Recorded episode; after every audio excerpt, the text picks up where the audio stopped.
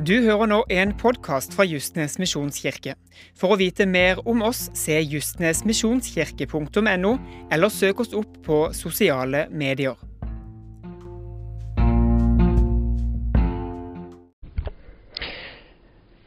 Vi er nå inne i en serie der vi prater om ulike grunnsannheter i den kristne tro. Hva som på en måte er, er om å være basisen for disippellivet og for å leve livet med Han. Rett før jul så la jeg ut en podkast der jeg prater om nåde. At nåden må være basisen for det livet som vi lever for Jesus. At vi må forstå den. Jeg kommer til nå de neste ukene til å prate om ulike ting som er viktige å ta med seg i troen på Jesus. Og I dag har jeg lyst til å prate litt om hva er Bibelen, og dens troverdighet. I 2. Timoteus 3, vers 14-17, så står det følgende. Men du skal holde fast på det du har lært er blitt overbevist om. Du vet jo hvem du har lært av. Helt fra du var et lite barn, har du kjent de hellige skriftene, de som kan gi deg visdom til frelse ved troen på Kristus Jesus. Hver bok i Skriften er innblåst av Gud og nyttig til opplæring, til rettevisning, veiledning og oppdragelse i rettferd, så det mennesket som tilhører Gud, kan være fullt utrustet til all god gjerning. I Hebreabrevet 4,12 så står det For Guds ord er levende og virkekraftig, og skarpere enn noe tveget sverd. Det trenger gjennom til det kløver sjel, ånd, marg og bein, og dømmer hjertets tanker og planer. Tenk deg at hver bok i Bibelen er innblåst av Gud. Når noen ligger for døden, og du må gi dem kunstig åndedrett, da blåser du bokstavelig talt liv i dem. På samme måte er Bibelen innblåst av Gud. Det er Gud som har blåst liv inn i Bibelen. Hvorfor er Bibelen Guds ord? Hvorfor er den så viktig for oss? Og hvordan vet vi at Bibelen er Guds ord? Jeg må være ærlig si at det er ikke enkelt å bevise at Bibelen er Guds ord, men vi kan bekjenne at Bibelen er Guds ord. Er dette Guds åpenbaring til oss, eller er det vår åpenbaring om Gud. Må jeg tro på hele Bibelen for å være en kristen, er òg et spørsmål. Nei, du må jo egentlig ikke det. Det står i Romerne 10,9. Hvis du i hjertet ditt tror og med den munn bekjenner at Jesus Kristus er Herre, så skal du bli frelst. Jeg tror ikke på Jesus fordi at jeg tror på Bibelen, men jeg tror på Bibelen fordi at jeg tror på Jesus. Jeg tenker at Jesus og Bibelen henger sammen. Og det er tre ulike måter å se på Bibelens autoritet på, ut ifra en læresetning, da. Vår måte. Vi ser på Bibelen, Bibelen Guds ord, altså at Bibelen er nok. Det er jo noen som har Bibelen pluss, og det er den katolske kirka f.eks., som framhever Bibelen, tradisjonen og læreembetet. Så er det noe vi kaller for Bibelen minus, og da er det liberalteologien som trekker noe ifra Bibelen og stiller spørsmålstegn ved om Bibelen som vi har i dag, er helt rett. Jeg tror at Guds ord skaper forandring. Jeg tror det gjør noe med oss når vi leser Guds ord. Jeg tror at det tenner en brann i våre hjerter. Jeg tror at det øker vår kjærlighet til Gud. Jeg tror at Guds ord kan bli noe vi ikke må lese, men noe vi ikke kan la være å lese. Guds ord, Bibelen, den setter dere fri. Vi må ikke tro på alt som jeg sa i Bibelen for å være frelst, for å være vei til himmelen. Det tror jeg ikke. Men jeg tenker at eh, jo mer vi leser i Bibelen, jo mer vil vi tro på å ta til oss det som står der. Litt om bibellesning i dag. Bibellesningen har minska drastisk de siste 50-60 årene. I 1984 viser en undersøkelse at bibellesningen hadde blitt halvert på 35 år. To tredjedeler av svenskene leste ikke i Bibelen da. I 2014 kom det fram at 4% av alle svensker leser Bibelen én gang per uke. En undersøkelse i Norge viste at 40% av frikirkelige kristne ikke åpna sin bibel i 2014. Og vi er jo da frikirkelige kristne. Så tenk det, fire av ti leste ikke Bibelen, åpna ikke Bibelen på et helt år. Hvorfor er det sånn, mener de da? Det ene som folk tar fram, er at Bibelen ikke er relevant lenger. Noen påstår at den er gammel, han er ute på dato. Videre så er det stor avstand i tanker og kultur, at vi ikke helt kan kjenne oss igjen i det. Den er ikke relevant i forhold til dagens moderne kultur, er det òg mange mennesker som sier. Videre så sier folk at Bibelen er voldsom.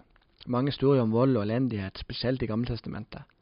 Hvordan kan Gud i Gammeltestamentet være den samme i Det nye testamentet? Videre så sier folk at Bibelen er krevende. Det er en annen verden med et annet tankesett og et annet språk. Den er skrevet på en vanskelig måte. Vi forstår det ikke helt. I 2014 så bestemte jeg meg for å lese Nytestamentet hvert år resten av livet. I 2015 så bestemte jeg meg for å lese hele Bibelen hvert år resten av livet. Og det klarte jeg, men jeg må være ærlig si at i desember så lå jeg 100 dager bak.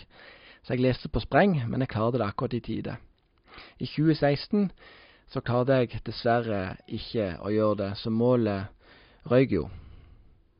Men allikevel så har jeg tatt opp igjen tråden, og nå holder jeg på å lese Bibelen hvert år fordi at jeg merker at det gjør noe med meg, det forandrer meg, den utfordrer meg. Jeg klarer alltid å lære noe nytt og klarer alltid å se noe nytt i det jeg leser i Bibelen. Litt bibelstatistikk. Det er 7097 språk i verden, og 3223 har fått minst én bok i Bibelen oversatt, altså nesten halvparten.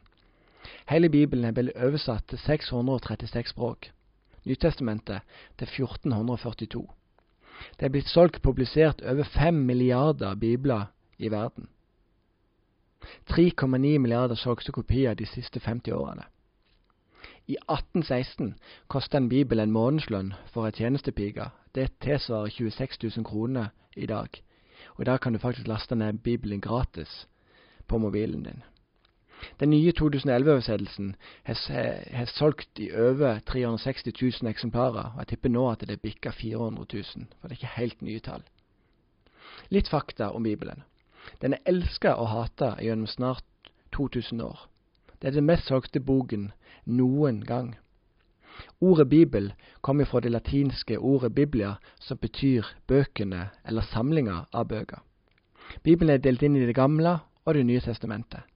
Det gamle testamentet handler om livet før Jesus' fødsel. Nytestamentet handler om livet fra Jesus' fødsel og etter Jesus' sin død. Bibelen har 66 bøker, 39 i Det gamle testamentet og 27 i Det nye testamentet. Den har 1189 kapitler, og det er godt over 750 000 ord i Bibelen. En liten sånn fun fact her. Vers og kapitler fantes ikke i den opprinnelige Bibelen. Kapitler stammer fra det 13. århundre, og vers stammer fra det 16. århundre. Ordet testamentet betyr løfte. Og Gammeltestamentet det er løftet til israelsfolket. Og Nye testamentet er Guds løfte til alle mennesker som velger å ta imot Han. Hva skulle egentlig til for at ei bok kunne bli med i Bibelen? For det var jo ikke sånn at alle bare kunne skrive noe, og så ble det en del av Bibelen. Nei, det var veldig sånn grundige ting som måtte gjøres for at ei bok fikk lov til å være med i Bibelen. For det første så måtte boka være apostolisk. Det vil si at han måtte være knytta til en av Jesus sine apostler, og dermed tilbake til Jesus sjøl. Markusevangeliet og Lukasevangeliet er ikke navnet til en apostel, men i, men i tradisjonen ble det tidlig hevda at disse var skrevet av nære medarbeidere av, av apostlene, henholdsvis Peter og Paulus. Et annet viktig kriterium var alder. Et skrift som både hadde tilknytning til en apostel, og som hadde fulgt Kirken fra det første århundret, sto sterkt. Ukjente skrifter som dukket opp utover i det andre århundret, var lite troverdige som apostoliske vitnesbyrd, siden apostlenes tid allerede var over. Så ser vi at det var apostolisk, alder var viktig. Videre, for å bli anerkjent måtte det òg være læremessig innhold være i samsvar med de eldste apostoliske tradisjoner. F.eks. ble Judasevangeliet avvist av Ireneus på 180-tallet med henvisning til at dette var kjetterisk. Dessuten så mente han å vite at Skriftet var forfattet ganske nylig. Et siste, men svært viktig kriterium for inkluderingen i Nytestamentet var òg at Skriften var allment brukt. Når et flertall av kirkene anerkjente og brukte et skrift, talte det til sterk skrifts fordel. Særlig gjaldt det i kirker med historisk tilknytning til en av apostlene. Så her ser vi ulike kriterier, kriterier som var viktige for at en bok faktisk skulle få lov til å være med i Bibelen. Da er jeg veldig glad for i dag, at, at det var sånn. At vi kan tro på Bibelens troverdighet på en helt annerledes måte. Hva så med Bibelens historiske og vitenskapelige troverdighet? Punkt nummer én her er at ærlighetstest er et viktig tegn på Bibelens troverdighet. Mange av de som skrev, ofra sitt eget rykte for å skrive om sannheten. Peter er den første til å si at Jesus er Messias. Noen vers seinere kaller Jesus Peter for Satan. Og Jeg kan bare si det at å bli kalt for Satan det er ikke en bra ting å bli kalt for. Tro meg. I hagen Getsemane sier Jesus at disiplene skal be, men han finner de sovende. Han vekker de, og de faller igjen i søvn. Når Jesus blir tatt til fange, gjemmer alle disiplene seg. Peter fornekter at han kjenner Jesus tre ganger. Og hvorfor skulle alle disiplene utenom Johannes ofre livet sitt for noe som ikke var sant? Så ærlighetstest er et viktig tegn på Bibelens troverdighet. Videre så er det viktig å se på hvor lang tid har det gått fra hendelsen skjedde til han faktisk ble skrevet ned. Og Det er noe en kaller for telefontesten. Første biografi etter Cæsar var skrevet ned 1000 år etter hans død. Første biografi etter Alexander den store var skrevet ned 400 år etter hans død. Og Det er ingen spørsmål om Cæsar har levd eller om Alexander har levd og livet deres. Det tror vi på. Og tenk deg at med fire biografier fra Jesus sitt liv allerede 50 år etter hans død, men her er det likevel mange spørsmål. Men det spennende er jo at, at forskere, om de tror på Gud eller ikke, at de fleste forskere i dag anerkjenner at Jesus har levd. Og så er bare spørsmålet om han var Guds sønn. Så det er jo fantastisk. Men vi tror jo da på at han er Guds sønn. Hvis vi skal avvise Jesus og Bibelens autoritet, da må vi ta med Platon, Cæsar og mange andre døde kjente på lasset. Nummer tre her. Hvor mange ma manuskrifter har vi etter diverse kjente historiske figurer? Hør på dette, for dette er ganske sterk lesning. Etter Cæsar så har vi ti manuskripter. Etter Platon så har vi sju manuskripter. Etter Tacitus så har vi 20 manuskripter. Og hold deg fast nå. Etter Det nye testamentet har vi 24 633 manuskripter. Den neste på listen er Iliaden av Homer, og den er det 643 manuskripter ifra. Altså Det er så mange historiske kilder på Bibelen og dens autoritet at det er helt sprøtt å tenke på. Er det andre historiske kilder som bekrefter eller avkrefter Bibelen og Jesus sin autoritet? Ja, det er der. Det er ni ikke-kristne personer som nevner Jesus i sine skrifter innenfor de neste 150 år etter hans død.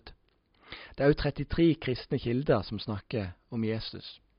Cæsar, han er ti stykk. Videre, hvorfor tror jeg at Bibelen er Guds ord?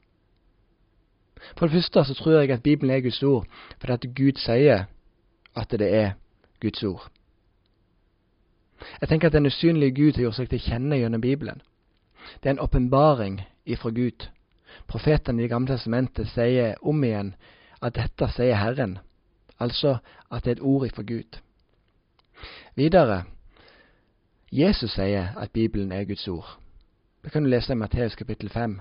Og Punkt 1 som jeg nevnte oppe, det kan du lese i 2. Timoteus kapittel 3, vers 15-17. Jesus sier at Moses og Jesaja har levd i Markus 7.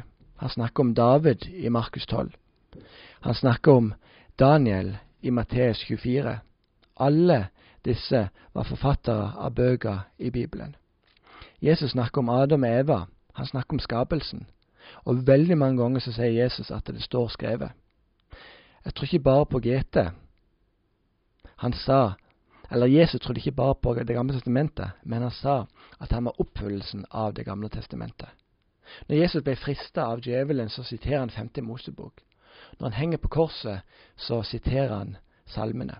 Dette kan du lese mer om i Lukas 24, vers 44-48. Videre så tror jeg at Bibelen er profetisk. Det er bare Gud som kan se inn i framtida og styre framtida.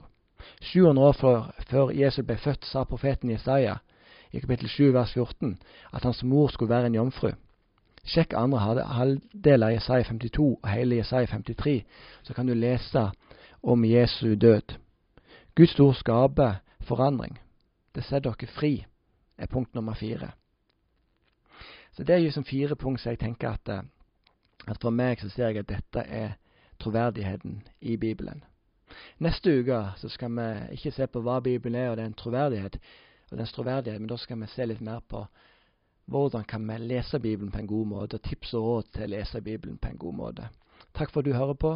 Gud velsigne deg, og ha en flott dag og uke videre.